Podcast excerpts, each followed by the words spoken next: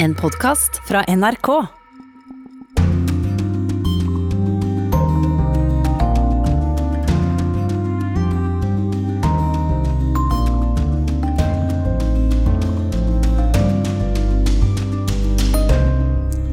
Stans drapene på unge svarte menn i USA, sier broren til mannen som døde denne uka. Vi er slitne av å se svarte menn bli drept igjen og igjen, sier Filonis Floyd. I natt var det igjen opptøyer og uro i flere amerikanske byer. Stedet som skulle være det tryggeste for alle, ditt eget hjem, blir for mange et farlig sted under koronakrisen, advarer FN. Også en tidligere fredsprisvinner slår alarm om økningen i seksualisert vold. Comme dans toutes les crises, les femmes sont les plus vulnérables et les victimes de violences sexuelles Som i alle kriser er det kvinner og barn som er de mest sårbare. De trenger vår støtte mer enn noen gang. Det sier den kjente legen og fredsprisvinneren Dennis Mukwege. Britiske advokater saksøker Danmark for de såkalte gettolovene. It was clear that legal action was needed. Denne uken stevnet i Danmark for diskriminering og brudd på fundamentale rettigheter. Og vi skal til Brasil og landets omstridte president. Infelizmente, tenho que dizer que ele é um pouco machista. Dessverre må jeg si at han er litt machomann. Han er litt autoritær. Og når han snakker uten å tenke seg om, så har det både positive og negative sider, sier presidentens tidligere kone Anna Kristina Valle. Jakten på en russisk datsja, et landsted, er tema i korrespondentbrevet, og vi skal en snartur til den historiske byen Dubrovnik i Kroatia, som ønsker turister velkommen tilbake. Vel møtt til Urix på lørdag, jeg er Dag Bredvei. Først til USA, der opptøyene har fortsatt i natt. Tidligere i uka døde afroamerikaneren George Floyd i Minneapolis under en arrestasjon. Og Eirik VM, du følger nyhetsbildet for oss. Hvordan vil du oppsummere det som har skjedd i natt? Det har vært uh, uroligheter flere steder uh, i USA. Uh, bildene vi får inn, og også opplysninger fra våre egne der borte nå, så, så, er det ganske voldsomt. Ikke bare i Minneapolis i Minnesota, men også i byer i California, i Georgia, Kentucky, New York, Wisconsin. Og også i Washington DC har det vært, har det vært uro. Det vi ser er todelt. En del av det som foregår, det er protestmarkeringer. Forholdsvis rolig og kontrollert, men dette har en tendens til å eskalere. Og da kommer det til opptøyer der demonstranter angriper politi, de tenner på biler, ramponerer bygninger og, og plyndrer butikker og kjøpesentre. Og situasjonen nå den er såpass alvorlig i USA at det amerikanske forsvarsdepartementet de har satt militærpolitiet i beredskap. Og de skal være klare til å rykke inn, først og fremst i Minneapolis, men også i andre byer, på få timers varsel. Og det er faktisk 28 år siden det skjedde sist i USA, så det sier vel noe om, om alvoret her. Jeg ser, også, kort dag, jeg ser også at det brukes vold, og det er ganske voldsomt begge veier. Men det er ennå ikke kommet noen oversikt over hvor mange som har arrestert eller havnet på sykehus. Men det er drept en mann i Detroit. Han ble skutt under en demonstrasjon. Litt uklart hvem som står bak det drapet. Det meldes også at Det hvite hus er avstengt. Hva har skjedd i området nær Det hvite hus?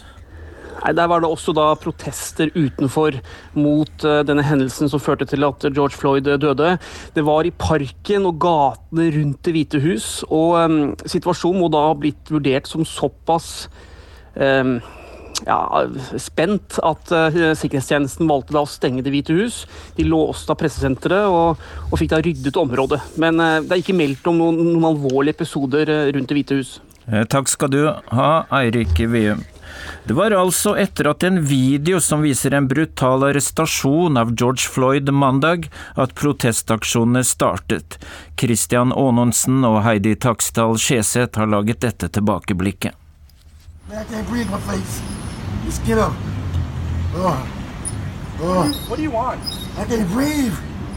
Jeg kan ikke puste. Jeg kan ikke puste. Det var noe av det siste George Floyd sa før han mistet bevisstheten liggende på gata med en politimanns kne mot nakken. Kort tid etter ble en video av den brutale arrestasjonen delt på sosiale medier. Videoen, som er åtte minutter lang, viser at flere forbipasserende ber politiet om å sjekke pulsen til Floyd. De bønnfaller politimennene om å slippe taket på mannen på bakken.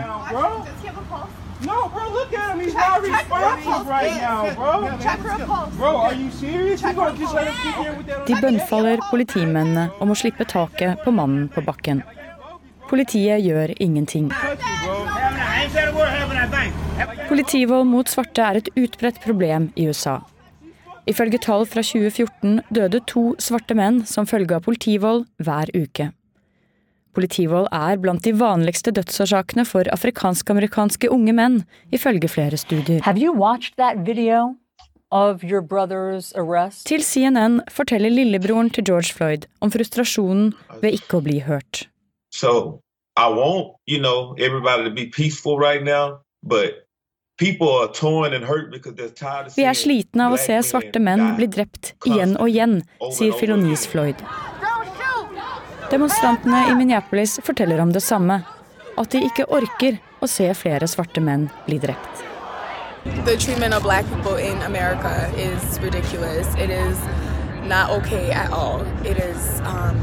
is um, very, very sad. And this has been going on for way too many years, and it is time for a change because Behandlingen av svarte i USA er dårlig og har fått pågå altfor lenge, sier Erica Atson i Minneapolis til nyhetsbyrået AP. President Donald Trump sier han er lei seg for det som har skjedd, men at han ikke har snakket med familien ennå. No,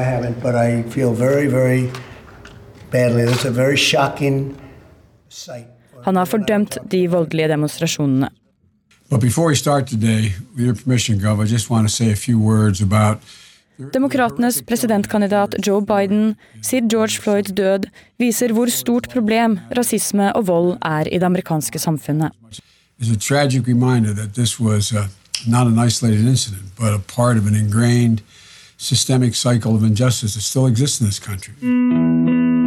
An unarmed black teenager named Michael Brown was shot and killed on the streets of Ferguson, Missouri by a white police officer. He was 18 years old, getting ready to start college. We don't know Bevegelsen Black Lives Matter mot rasisme og politivold fikk mye oppmerksomhet i 2014.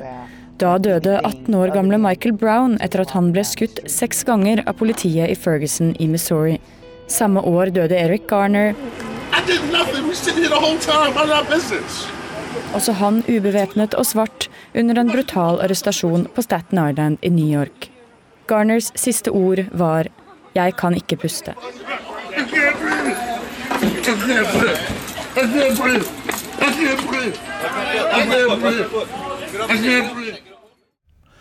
USA-korrespondent Anders Magnus, eh, for tiden i Norge, hva er det som skjer når politivold som fører til at en svart mann dør, skaper så mye sinne og voldelige opptøyer mange steder i USA nå?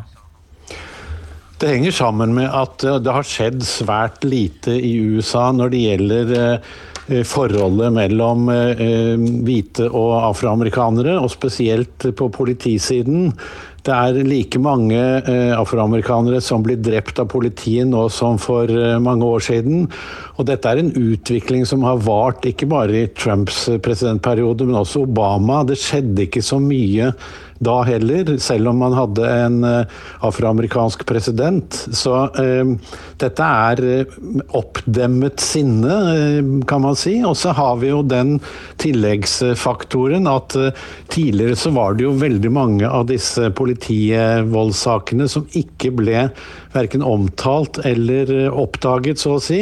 Men i våre dager så filmes det jo mye med mobiltelefon, og det skaper jo selvfølgelig mye mer oppmerksomhet oppmerksomhet rundt det. Disse videoene deles på sosiale medier over hele USA, over hele verden, slik at man får eh, beviser, så å si, og det fører nok til ekstra mye oppmerksomhet, og at folk engasjerer seg mye i de protestene som vi nå ser over hele USA.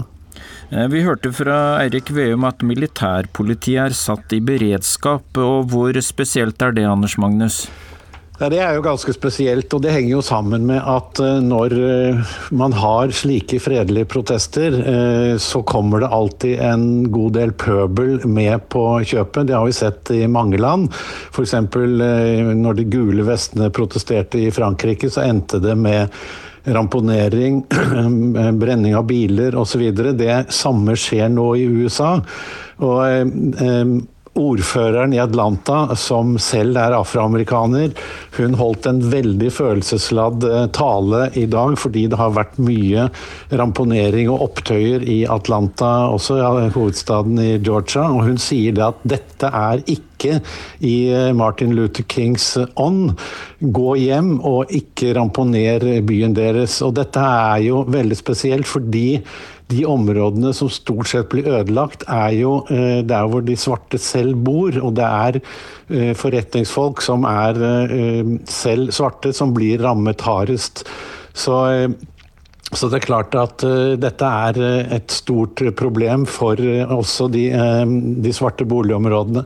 Men dessverre så tror jeg nok at dette at Trump nå mobiliserer de militære, kanskje kommer til å få den virkning at Eh, det ikke blir gjort så mye, men at tvert imot folk eh, eh, flest synes dette er et godt grep. Og det kan også føre til at Trumps popularitet stiger på meningsmålingene nå.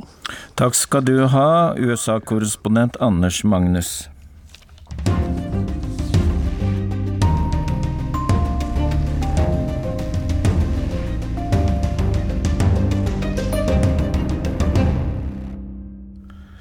Allerede før verden ble rammet av korona, levde titusener av kvinner verden over i stor fare. De var utsatt for seksuelle overgrep og vold i sine egne hjem.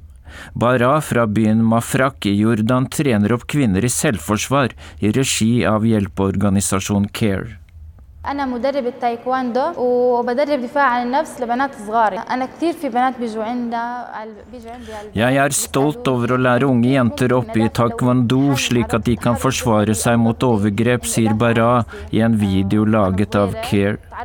Allerede før korona rammet verden var én av tre kvinner utsatt for seksualisert vold og for hver måned land er stengt ned under koronapandemien, øker risikoen for at nye titusener av kvinner verden over blir utsatt for vold i hjemmet. Stedet som skulle være det tryggeste for alle, blir et farlig sted under slike spesielle forhold, advarer FN. Reporter Marit Kolberg har laget denne reportasjen. Kom, dans toutes les crises, les femmes sont le plus vulnérables et les victimes de violences sexuelles qui étaient déjà en marge de la société, le sont davantage. Som i alle kriser er det kvinner og barn som er de mest sårbare, de mest utsatte. De trenger vår støtte mer enn noen gang. Det sier den kjente legen og fredsprisvinneren Dennis Mukwege i en innspilt takk for støtten sykehuset hans mottar fra Kirkens Nødhjelp. Oppropet hans er et ekko av advarselen som kom fra FN-lederen Antonio Guterres i begynnelsen av april. But violence is not confined to the battlefield. For many women and girls, the threat looms largest where they should be safest in their own homes. We know lockdowns and quarantines are essential to suppressing COVID 19, but they can trap women with abusive partners. Over the past weeks, as economic and social pressures and fear have grown, we have seen a horrifying global surge in domestic violence. For hver tredje måned med land i lockdown frykter FN nå 15 millioner nye tilfeller av kjønnsbasert vold. For der arbeidsdagen tidligere kunne være et pusterom, er nå noen innesperret sammen i et voldelig forhold. En anonym kvinne i den kongolesiske hovedstaden Kinshasa forteller. Avant, au moins, il pouvait sortir. Mais depuis que le confinement a commencé, il est toujours à la maison. Alt er blitt verre etter at vi ble innestengt i karantene. Han slår og voldtar. Hvis jeg ikke gjør som han vil, truer han meg med en machete, forteller hun til fransk TV. Right now, many people are trapped. Trapped in their homes with an abuser.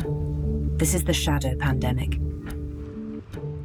Ifølge FNs Afrikakontor var en tredel av alle kriminelle handlinger som ble rapportert etter covid-19-krisen, kjønnsrelatert vold eller vold mot kvinner. Men hvordan sprer viruset vold, spør organisasjonen, og svarer selv. Barn som blir holdt vekk fra trygge omgivelsen på skolen f.eks., er mer utsatt. Karantene som holder folk innesperret, og økonomiske vansker øker stress. Karantenen hindrer også at de som lever i et voldelig forhold, kommer seg ut og vekk og får søkt hjelp. Dette gjelder også europeiske land. Spanske hjelpetelefoner rapporterer om en økning på 47% i henvendelsene under koronakrisen.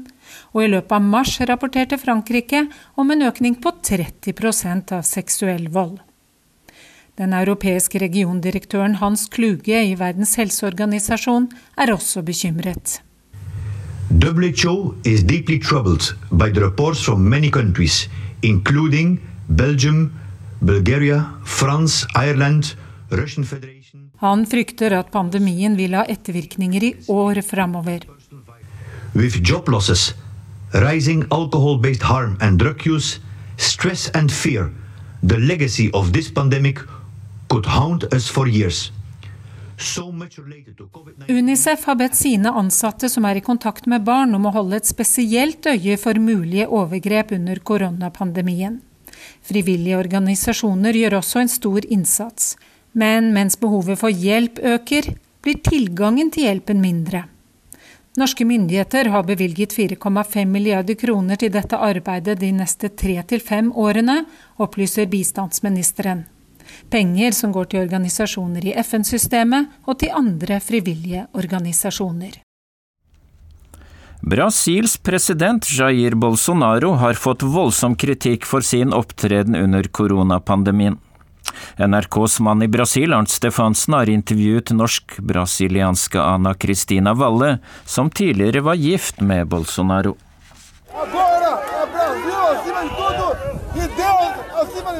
Brasil først, Gud er størst, proklamerer Jair Bolsonaro. Det faste slagordet som alltid vekker begeistring hos tilhengerne. Og de kvitterer med tilnavnet de alltid bruker på presidenten. Legende, legende, roper Bolsonaros trofaste velgere. Og denne uken kom en ny meningsmåling som viser at kjernevelgerne står last og brast med sin president, til tross for all kritikken han har fått den siste tiden. En av dem er hans tidligere kone, norsk-brasilianske Ana Cristina Valle. Honesto, um combatente à corrupção. Han er ærlig, en som kjemper mot korrupsjon. Han sier det han mener uansett konsekvenser, og han er intelligent, sier hun i et intervju med NRK på internett. Anna Kristina Valle er nå norsk statsborger og gift med en nordmann. Men hun tilbringer deler av året i Brasil og jobber som lokalpolitiker i en småby her i delstaten Rio de Janeiro. Om eksmannen Jair Bolsonaro sier hun videre. Um. Dessverre må jeg si at han er litt machomann. Han er litt autoritær. Og når han snakker uten å tenke seg om, så har det både positive og negative sider, sier presidentens tidligere kone Anna Kristina Valle. Det siste vil mange skrive under på. Da koronapandemien kom til Brasil, brukte Bolsonaro ord som hysteri og en liten influensa. Og hans ekskone forstår reaksjonene. Han har gjort både gale og riktige ting, men hans største bekymring er at når pandemien er over, vil arbeidsledighet og fattigdom ta livet av flere enn viruset selv har gjort sier Bolsonaros norske ekskone i intervjuet med NRK. Brasils president har kjempet drabelig for å unngå en nedstenging av landet under koronapandemien, og han har åpent ignorert smitteverntiltakene som er innført. Som her, når han står midt i en folkemengde i hovedstaden Brasilia denne uken. Men den politiske prisen har vært høy. Voldsom kritikk og et sterkt fall i populariteten. Og hans håndtering av krisa er en av grunnene til at mange nå krever riksrett mot presidenten. Likevel viser den nye målingen at rundt en tredel av velgerne fortsatt støtter ham. Og hans ekskone mener han kunne ha oppnådd langt mer som president. Hvis ikke Kongressen hadde ødelagt for ham, ville det gått mye bedre. Men når hans regjeringstid er over, vil Brasil være et mye bedre land, sier norsk-brasilianske Ana Cristina Valle, som har en sønn med president Jair Bolsonaro. Kroatia åpner sakte, men sikkert opp for turisme, men er det trygt å komme på besøk? Absolutt ja, mener engelsk-kroatiske John Holmes, som driver et gjestgiveri, men nå uten gjester. How many cancellations did you get that for your? Uh... Every, everybody cancelled. You don't have any? 120 cancellations. 100%. Nå har alle gjestene kansellert reservasjonene sine for sommeren. Og korrespondent Roger Severin Bruland, du er i Dubrovnik. Kroatene de er selvsikre på at det er trygt å reise dit, og er det det? Altså, Vi ser jo ikke de største tiltakene her. De har håndsprit tilgjengelig overalt, men det er ingen som går med maske, sånn som vi ser i Østerrike og Tyskland. Men de er veldig selvsikre på at her har det vært lite smitte, og at selv om en ville få mange turister her, at de har det som skal til for å ta seg av eventuelle utbrudd. I alle fall det som jeg har fått vite med ledende personer i turistindustrien her i dag. Oh, you're a tourist. Oh, nice to see you. I took a photograph of Chinese tourists. Uh, John Holmes, som du intervjuet, sier det er en attraksjon, en raritet, å støte på en turist i Dubrovnik nå. Og hvordan oppleves det? Ja, altså Dubrovnik har jo blitt litt sånn som Venezia. Masse cruisetrafikk og overfylte gater. Og eh, lokalbefolkningen har jo irritert seg over det lenge. Men nå eh, gleder de seg over hvis de ser en turist og tar eh, bilde av han. Det ser jo veldig mørkt ut for sesongen her i år, fordi at de største markedene deres er Storbritannia og USA. De vil garantert ikke komme. Og så er de utrolig avhengige av internasjonal flytrafikk. Og de de håper det at de kan få berge litt av juli, fordi at Dubrovnik er 100% avhengig av turisme. slik at eh, det er noen som sa til meg her at hvis vi ikke får inn inntekt i juli, så kan vi like gjerne bare dø av viruset, for da har vi ingenting å leve av. Takk skal du ha, Roger Severin Bruland, direkte med oss fra Dubrovnik.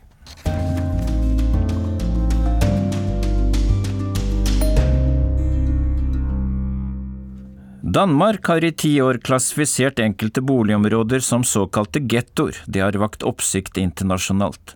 Da landet så innførte egne gettolover i 2018, reagerte juseksperter verden rundt. Utkastelsene har engasjert advokater i den globale organisasjonen Open Society Justice Foundation. Nå stiller de seg bak beboere som stevner Danmark for diskriminering.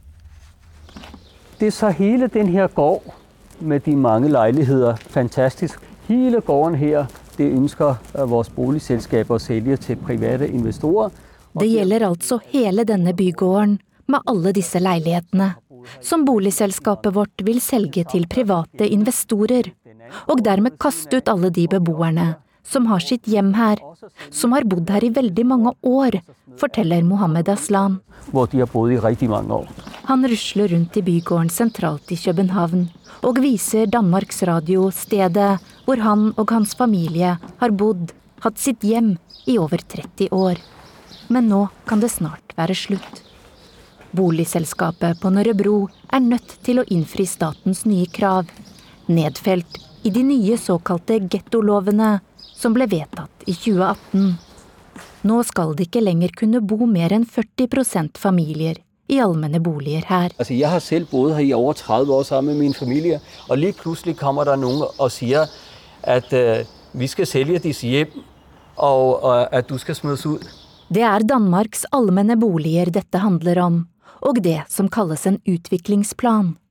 Hver femte danske bor i en allmenn bolig. Systemet er helt unikt i internasjonal sammenheng, og har i over 100 år sørget for at alle kan få en god og rimelig bolig i Danmark. Men for ti år siden dukket et ubehagelig begrep opp – gettolisten. Listen var egentlig et uttrykk for bekymring. Både myndigheter og beboere hadde lagt merke til en opphopning av sosiale problemer. De måtte løses. Danmark begynte derfor å kartlegge allmenne boligområder med over 1000 innbyggere. Hvor mange var i jobb, hvilken utdannelse hadde de, hva tjente de, Hvordan så rullebladet ut? Formålet var å løse problemene, men ett sorteringskriterium fikk mange til å steile. Såkalte hvite danske områder var ikke med. Listen gjaldt kun områder der over 50 prosent av innbyggerne hadde såkalt ikke-vestlig bakgrunn. Da hjalp det heller ikke å kalle denne sorteringen for gettolisten.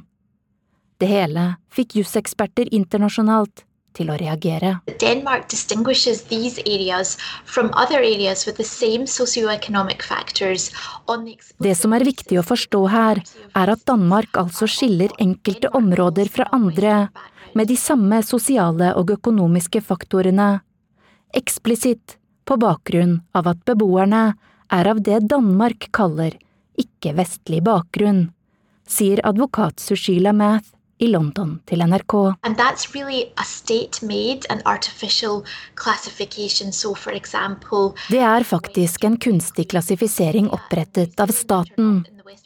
Vestlig inkluderer eksempel Australia og New Zealand, som ikke tilhører den vestlige halvkule, men hvor majoriteten av befolkningen er hvit.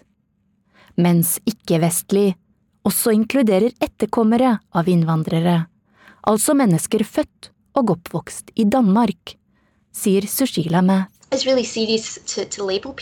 way. Hun er rådgivende advokat ved The Open Society Justice Initiative. Det er en juridisk del av stiftelsen Open Society Foundation. De jobber for å fremme rettferdige og demokratiske prosesser for mennesker verden rundt. Da Danmark i 2018 vedtok å innføre egne lover for såkalte gettoer, valgte stiftelsen å engasjere seg. We grave uh. For advokatene i stiftelsen kjøper ikke myndighetenes forklaring. There are ways to do that that don't include passing a law that designates areas as ghettos. Dersom staten ønsker å få bukt med sosiale og økonomiske problemer, finnes det måter å gjøre det på. It was clear that legal action was needed. Denne uken stevnet i Danmark for diskriminering og brudd på fundamentale rettigheter. Målet er å få retten til å anerkjenne at gettolovene er diskriminerende, og å stanse hele gettopakken og utviklingsplanen.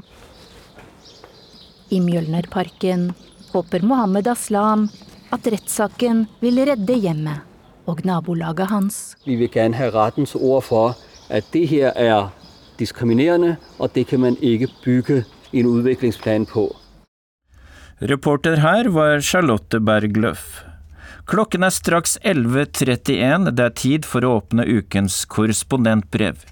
I Russland har prisen på datsjaer eller sommerhus økt kraftig denne våren. Russland-korrespondent Jan Espen Kruse forteller. Prøv å forestille deg min situasjon. Å være NRKs Russland-korrespondent, men ikke kunne være i Russland. Pga. koronaviruset og smittefaren må jeg inntil videre være i Norge. Hvordan i all verden skal jeg få gjort jobben min? Det å lese på PC-en om det som skjer i det store russiske riket, kan jo ikke sammenlignes med å være i landet.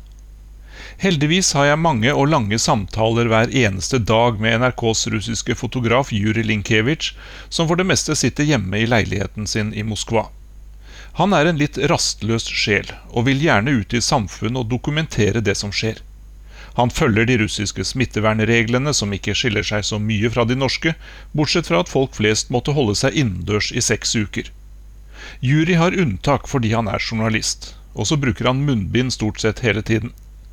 I begynnelsen av pandemien fortalte jeg Jury om hvor viktige hyttene er for nordmenn, og at mange nesten måtte trues med våpen før de fulgte myndighetenes ordre om å forlate sine fritidsboliger.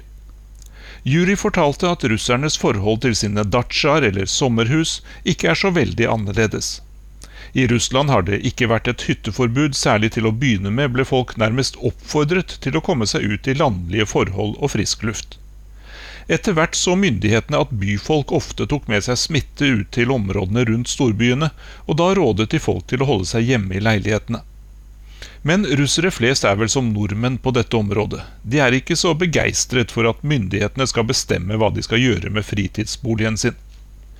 Da en nesten to uker lang friperiode startet i begynnelsen av mai, ble det trafikkaos på veiene ut fra hovedstaden Moskva. I russiske byer bor folk ofte i gigantiske høyblokker og i leiligheter som er ganske små. Det er dyrt å kjøpe bolig, derfor bor ofte flere generasjoner sammen. Det å bo tett på hverandre er som kjent en smitterisiko, og de som har en dacha eller sommerhus, hadde et sterkt ønske om å komme seg ut av byen. Særlig moskovittene var ivrige, fordi mer enn halvparten av alle smittetilfellene er i Moskva-området. De som ønsker å kjøpe en fritidsbolig nå, må ut med mye mer penger enn før, det samme må de som ønsker å leie. Jury og jeg bestemte oss for å lage en reportasje om russernes voksende interesse for livet på Datsjan. Folk vi kontaktet var i utgangspunktet skeptiske til å ta imot fotografen, både pga. smittefaren og litt frykt for å påkalle myndighetenes oppmerksomhet og vrede ved å si noe som kunne bli oppfattet som kritikk. Etter ganske mange avslag fikk vi omsider avtale med noen moskovitter som hadde reist til fritidsboligen sin. Jury ble utstyrt med en liste med spørsmål som jeg ville ha svar på hos det russiske hyttefolket. De som sa ja til å ta imot NRK, hadde nok datsjaer som var litt over snittet. De tilhørte vel middelklassen pluss i hovedstaden, og var mest opptatt av å hygge seg når de var på hytta. En familie hadde f.eks. handlet inn tujabusker for å pynte opp i hagen rundt datsjaen etter en lang vinter. De syntes det var tryggere å være isolert på datsjaen enn å være i leiligheten i Moskva, der det nesten ikke er lov til å gå ut. Å være hele døgnet innenfor fire vegger er til å bli sprø av, sa de. Et annet par vi fikk møte, var geologer med hjemmekontor. De hadde internett på datsjaen og kunne jobbe derfra. Altså ikke så veldig forskjellig fra nordmenn med gode hytter. Men på ett punkt skilte geologene seg fra de fleste nordmenn med fritidsboliger. De dyrker poteter, grønnsaker og frukt på datsjaen, og akkurat det er veldig russisk. Det sitter på et vis i ryggmargen på mange russere at det er best å dyrke sine egne tomater, agurker, hvitløk, vanlig løk og krydderplanter. Som regel er det hard konkurranse blant dacha-eierne om å få fram de første tomatene og agurkene. Alle følger med på hverandre. Det er også mange hemmeligheter rundt hva som er best å gjødsle med. Noen sverger til en blanding av vann, gjær og sukker, mens andre holder seg til økologisk kumøkk eller til vanlig kunstgjødsel. Geologparet sa at smaken blir mye bedre på det de dyrker selv. Men de minnet også om 90-tallet, da det var matmangel i landet, og at ingen riktig vet hvordan det blir dersom pandemien blir langvarig. Fortsatt er det ofte slik at familier går sammen når det skal plantes eller høstes. Det er en anledning for flere generasjoner til å komme sammen og utveksle erfaringer under arbeidet. Etter vel utført jobb er det populært blant mange å riste og salte solsikkekjerner i en panne, og så spise det som snacks. Det tok meg mange år å lære kunsten å bite av skallet for å komme til den spiselige kjernen. Fremdeles får jeg gnagsår i munnen hver gang jeg spiser dette, og den russiske uttalen blir dårligere jo lenger jeg holder på. Men når man først har kommet i gang, er det nesten umulig å slutte. De millioner av datsjaer som finnes rundt omkring russiske byer, har naturligvis veldig ulik standard. Og de siste tiårene har nivået på fritidsboligene blitt stadig høyere. Men veldig mange datsjaer er ganske enkle sammenlignet med norske hytter. I den russiske kulturen settes det et ganske klart skille mellom mennesker som er i den nære krets, altså familie og gode venner, og andre som er utenfor denne kretsen. Når en utlending blir invitert til dachaen, så er det som regel et bevis på at vedkommende er akseptert i den indre krets. Jeg unner mange nordmenn å få oppleve en dag på en russisk dacha, helst med grilling av sjasjlik, store og saftige biter av marinert svinekjøtt på grillspyd, spist med en tomatsaus full av stedets krydderplanter og hvitløk. Hjemmelagde marinerte grønnsaker og sopp hører også med, i tillegg til den russiske nasjonaldrikken. Ingen har det travelt, og interessante samtaler om politikk og krig og fred og sånt kan vare i timevis. Men klok av skade drar jeg aldri til en russisk datsja uten mitt eget myggnett. Det synes russerne er merkelig. Da får de bekreftet det de jo ante fra før, at utlendinger er litt rare, og at det beste er å smile overbærende. Jury kom tilbake fra de to datsjaene med diverse opptak og intervjuer. Så var det tid for å redigere det sammen. Han sendte alt over til meg så jeg kunne gå gjennom det og velge ut det som skulle brukes, pluss å skrive og lese inn mine kommentarer som jeg sendte over til jury som lydfiler.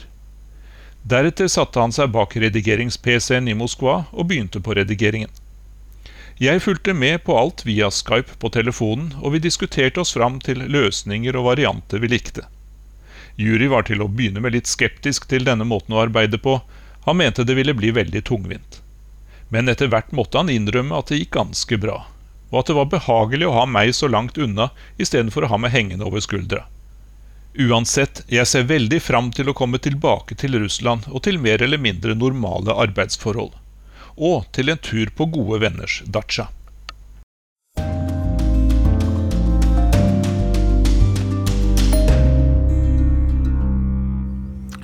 Det er tid for en ny utgave av podkastserien Krig og fred. Hvordan går det egentlig med Joe Biden?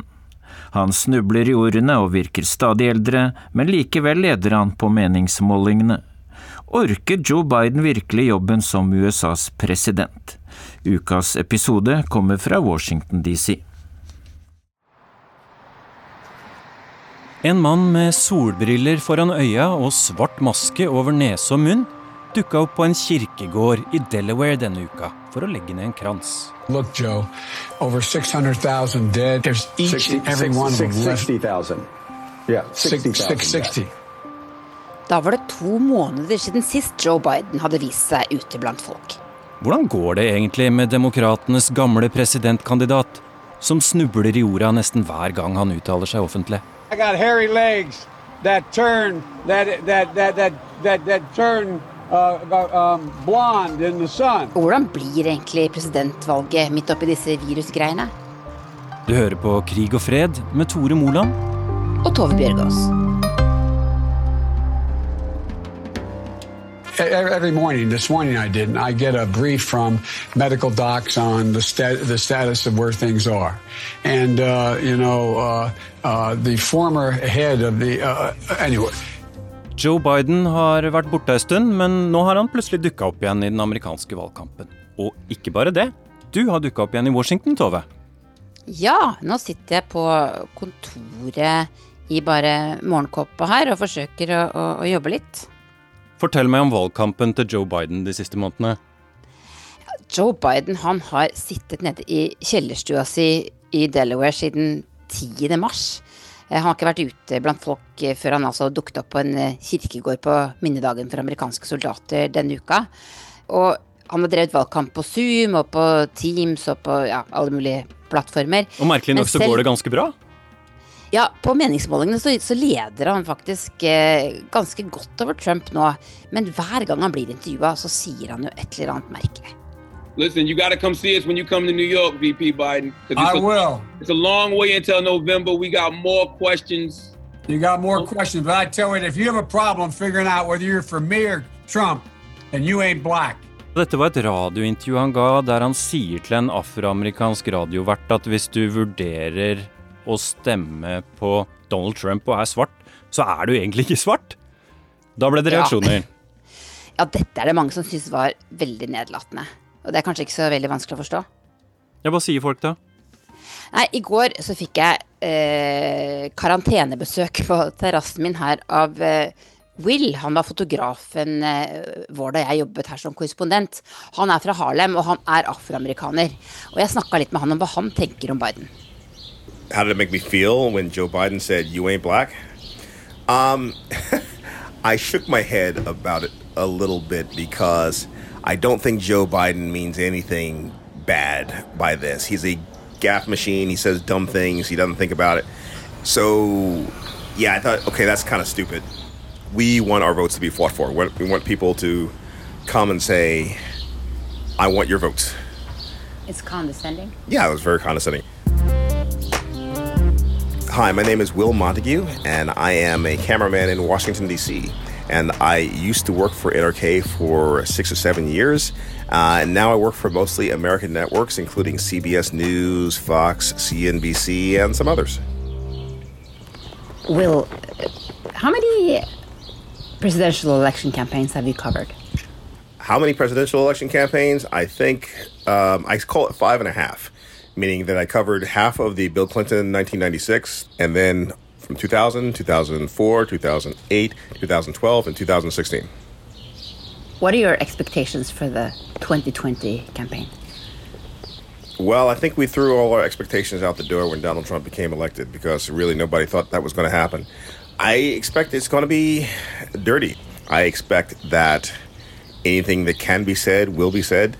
And I don't think that Biden on his own can beat Trump, but I think that Trump can help him out by saying and doing things that would potentially cause him to lose the election. Why don't you think Biden can win it on his own? He, Biden, he's old Joe. He's what they call middle class Joe. Uh, he's sort of like you know the old blanket that you love and cuddle up with, but he's not something you you say, oh man, this guy, I really want to vote for this guy. I'm really excited about voting for this guy. It's more like you really don't want the other guy. That's why you vote for him. And Joe, yeah, he'll be okay. He'll be good. That's what you think about Joe Biden. Have you met him, Biden? Um, met well as you know, I'm a TV camera guy. As you working for you all for years, and I haven't met him in the way that you sort of meet a friend or meet somebody that you want to get to know. Hey, shake your hand. I've done the, you know, video production news journalist thing where you see a person in the field and you might talk to them and put a microphone on them and that kind of thing. He, he seems to um, say a lot of things that maybe he shouldn't have said or Oh my gosh, I got so many Joe Biden gaffe stories. Stories where I was there and he would say stuff and I would just put my face Tell in my me. hands and say, "Oh gosh, oh, well." one time when he was, um, I was at the, he was vice president, and I was at the vice president's residence in Washington D.C. And there was a group of group of Jewish Americans, and he was there to talk to them about America's commitment to Israel and you know Judaism and you know love for the Jewish people. And at some point, he just said out loud about some meeting that was not supposed to be said. And he said, "Are we still meeting the so and so? And you know, are we, are we still having the so and so meeting?" And immediately, I think his aides and they started turning their heads and be like, "That's you know, you could tell immediately that's not what's supposed to be said. That's just a." And he said, "Oh, was I supposed to say that?" And of course, he was not supposed to say that. And it was like, "Oh, there he goes again." He's a, he's a gaff machine. He says dumb things, and you know, people kind of give him a pass for it because that's Joe. We choose science over fiction. We choose truth over facts. Det bøtter ned ute og skal gjøre det de neste tre dagene. Så mye for å være i Florida. Så mye for å være på stranda. Jeg er Fredrik Resvik. Jeg er korrespondent i USA for TV 2. Jeg skal ut og bade selv om det regner. Det blir våt i år uansett, så det er ikke så farlig. Ja, Hvor er du værende? Jeg er i Daytona Beach. Og det som er litt uh, fint, er jo at da holder jo folk avstand til hverandre, for det er nesten ikke et menneske å se noen steder her. Nei, så det er fortsatt sånn at folk er redde for å gå ut, eller? Nei, jeg så i helgen så var det fint vær. Da var det mange som var ute, og mange går på restauranter som har åpnet. Men restaurantene er ganske forsiktige med å slippe inn for mange folk. Jeg tror eh, mange fortsatt er redd for å bli smitta, og her i Florida har det vært ganske hardt ramma. Det er mye eldre mennesker som bor her, så det er jo mange som kan bli veldig syke hvis de får dette viruset. Men du Fredrik, eh, du har altså vært eh, her i USA i hele denne veldig spesielle perioden. De var faktisk sammen når det brøt løs i mars, og i dag stakk jeg av mens du ble igjen. Hva har du sett til eh, Joe Biden eh, mens du har vært her disse månedene? Stakkars Joe Biden er en gammel mann, så han har gjort det fornuftig da, som gamle menn bør gjøre. Og det er jo å gå i et slags eh, eksil i, i Jeg tror det er kjellerstua han sitter i. Jeg har vært på et par av disse folkemøtene han holdt rett før dette viruset kom. Jeg hadde en plan om å reise hele denne våren, jeg, ikke sant? som alle andre korrespondenter i USA. Reise hele våren og dekke demokratenes nominasjonskamp. Og så bråstoppet opp i Michigan her for, eh, ja, i begynnelsen av mars. Og siden så har jo Joe Biden drevet en form for valgkamp nede fra, fra kjellerstuen sin. Han har mye bøker, ser jeg, og han snakker til det amerikanske folk eh, via noe videogreier. Eh, men det er jo ikke noe engasjement rundt valgkampen lenger. Og så nå er det jo slik at eh, Bernie Sanders trakk seg. Sant? Så da, var jo den kampen mellom demokratene over. Og så er det ikke tror jeg, noe særlig interesse for valgkampen, fordi de ikke kan holde disse folkemøtene. Hvis du skulle beskrive Joe Biden, hvordan vil du beskrive ham? Jeg syns han blir eldre for hver gang jeg ser han. Og det er fordi alderen alderen har, eh, har, eh, vært et så stort tema nå. Jeg synes han, han, er jo nærmest en rake motsetning til Donald Trump. Eh, rolig, sindig. Og han, han, jobber jo veldig med det uttrykket også nå, fordi han ønsker å være den Donald Trump ikke er. Og han legger vekt på det, ser vi ser valgkampvideoen hans nå, på at han vil, eller skal framstå som den lederen som skal guide USA og det amerikanske folket gjennom en krise som covid-19 har uh, vist seg å være. Jeg uh, syns jo at det der med alder igjen er et poeng som jeg tror mange amerikanere tenker på også. Altså Man går til valg på en president som vanligvis med et ønske eller tanke om at han skal sitte i åtte år. Og Joe Biden er for gammel til det, tenker jeg. I hvert fall til å gå til valg på det. Og jeg tenker at han også kanskje vil gjøre lurt i det mange har sagt og tror, kommentatorer, at han kanskje vil på et eller annet tidspunkt si at eh, jeg satser primært på én periode, og så må han ha med seg en visepresident. Og det Visepresidenten er viktigere nå enn noensinne. Vi vet det kommer til å bli en kvinne, det har han lovet. Og Så får vi se hvem det blir, men han må ha med seg en visepresident som det amerikanske folket kan se for seg som en president. Fordi det er stor sjanse for at vedkommende kan komme til å måtte ta over, eller til at han velger å hoppe av etter fire år, kanskje. Eh, overlate skuta til visepresidenten. My name's Joe Biden. I'm a Democratic candidate for the United States Senate. Tore, hva er egentlig ditt inntrykk av Joe Biden? Jeg må innrømme at jeg rett og slett er litt nysgjerrig på Joe Biden. Fordi meningsmålingene viser jo jevnt og trutt at han er den demokraten som har størst sjanse til å slå Donald Trump.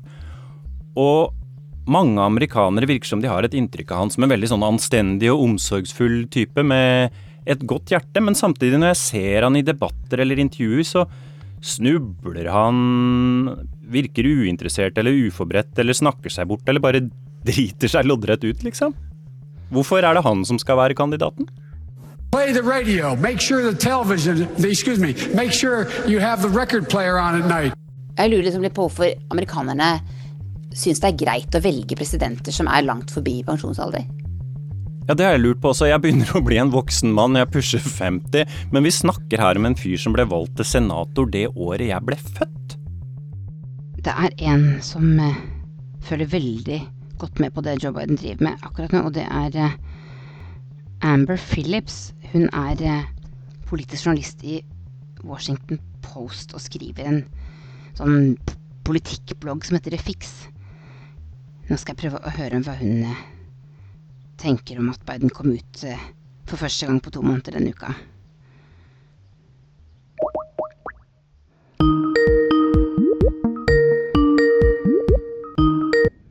Hi, how are you? Hi, Amber. How are you?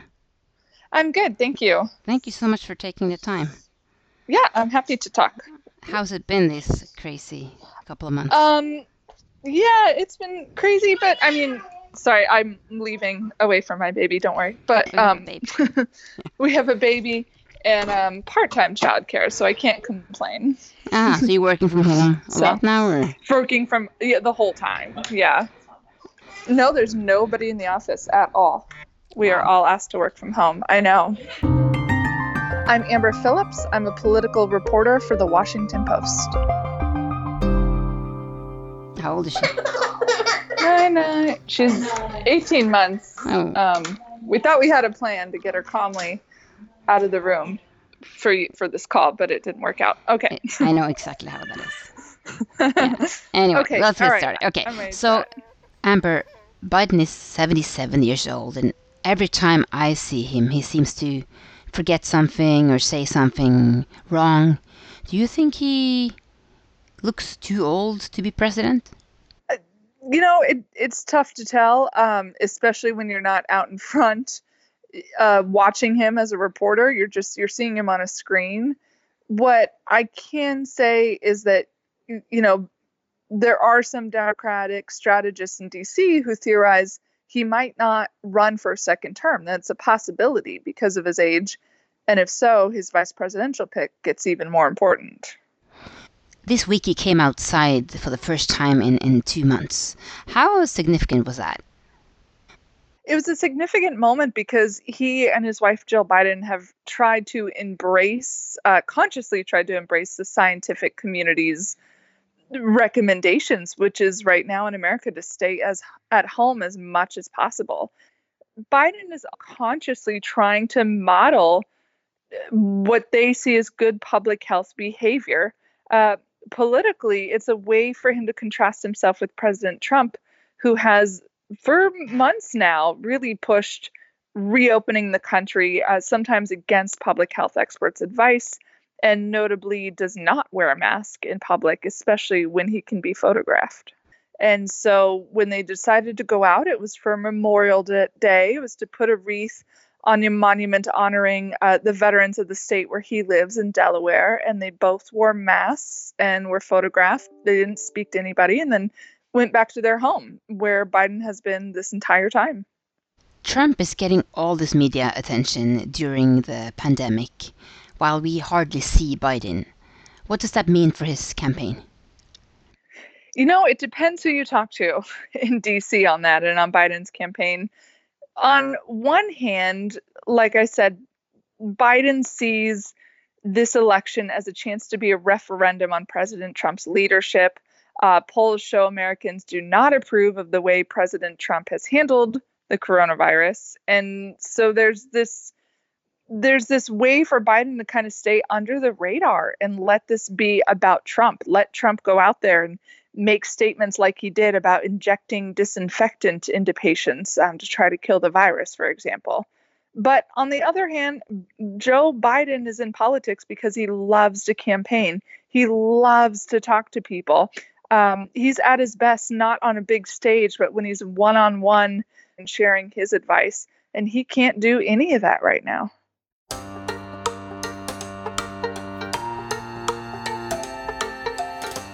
Men du Tove, en annen ting jeg lurer på. Det er liksom livshistorien til Joe Biden. Ja? Det virker som det henger en sånn mørk sky av sorg eh, over ham. Han har opplevd mye vondt. And I was down in Washington hiring my staff, and I got a phone call saying that uh, my family had been in an accident. My wife was dead, my daughter was dead, it. Først så mistet han kona og dattera si i en trafikkulykke på 70-tallet. Og da ble også de to sønnene hans hardt skadd. Det var like før han ble senator ble tatt i ed som senator. Og så døde den eldste sønnen hans av kreft mens han var visepresident. Og alt dette her har gjort at eh, mange amerikanere har en veldig sympati med Joe Biden. Ja, for han har liksom håndtert det med verdighet og stoisk ro hele veien. Men samtidig så kom ja. jo den gjenlevende sønnen hans i ganske hardt vær i forbindelse med businessen sin i Ukraina. Ja, han har vi snakka med i Krig og fred før. Hunter, som Donald Trump ville tvinge presidenten i Ukraina til å etterforske fordi han satt i styret til et ukrainsk gasselskap, var det ikke sånn? Sånn var det. Well, we're on the campaign trail now, and everybody says, you know, Biden's hiding. Well, let me tell you something. We're, we're doing very well. Will, but this story unfolding now, I guess many of us report it as a major catastrophe in, in American history. Yeah. How do you think it will end? How do I think it will end? Uh, I don't know. I've got no idea. I've got no idea. Um, we have a president who does not mind bending the truth, has uh, this, every belief that if he loses the election, may not step down. Um, we have uh, we're very uh, split we're very divided in the United States, um, and oftentimes see through see things through a political lens, which seems to be the fan being flamed to do that. Um, so I think it doesn't end well. Well, two, two, one of two ways it ends. The the coronavirus catastrophe free peters out and it's not much of an infection, and we go back to being angry and divided and raise this crescendo to something else bad happens, or major crisis happens, a lot more people die of either this or something else, and in the wreckage, people tend to come to better senses of themselves and come together a little bit more. I don't think I don't think people come together without some serious, terrible tragedy. Du har hørt Krig og fred, en podkast fra NRK Urix. Lydregien var ved Merete Antonsen. Is there anything you'd like to say in your other language?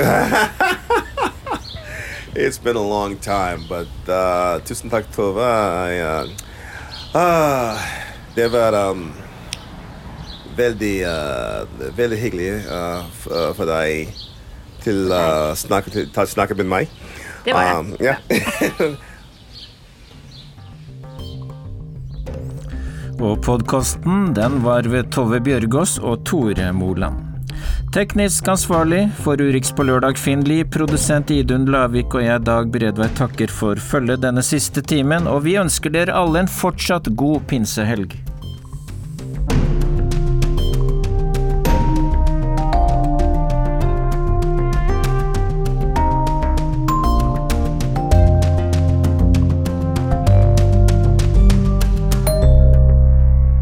Du har hørt en podkast fra NRK.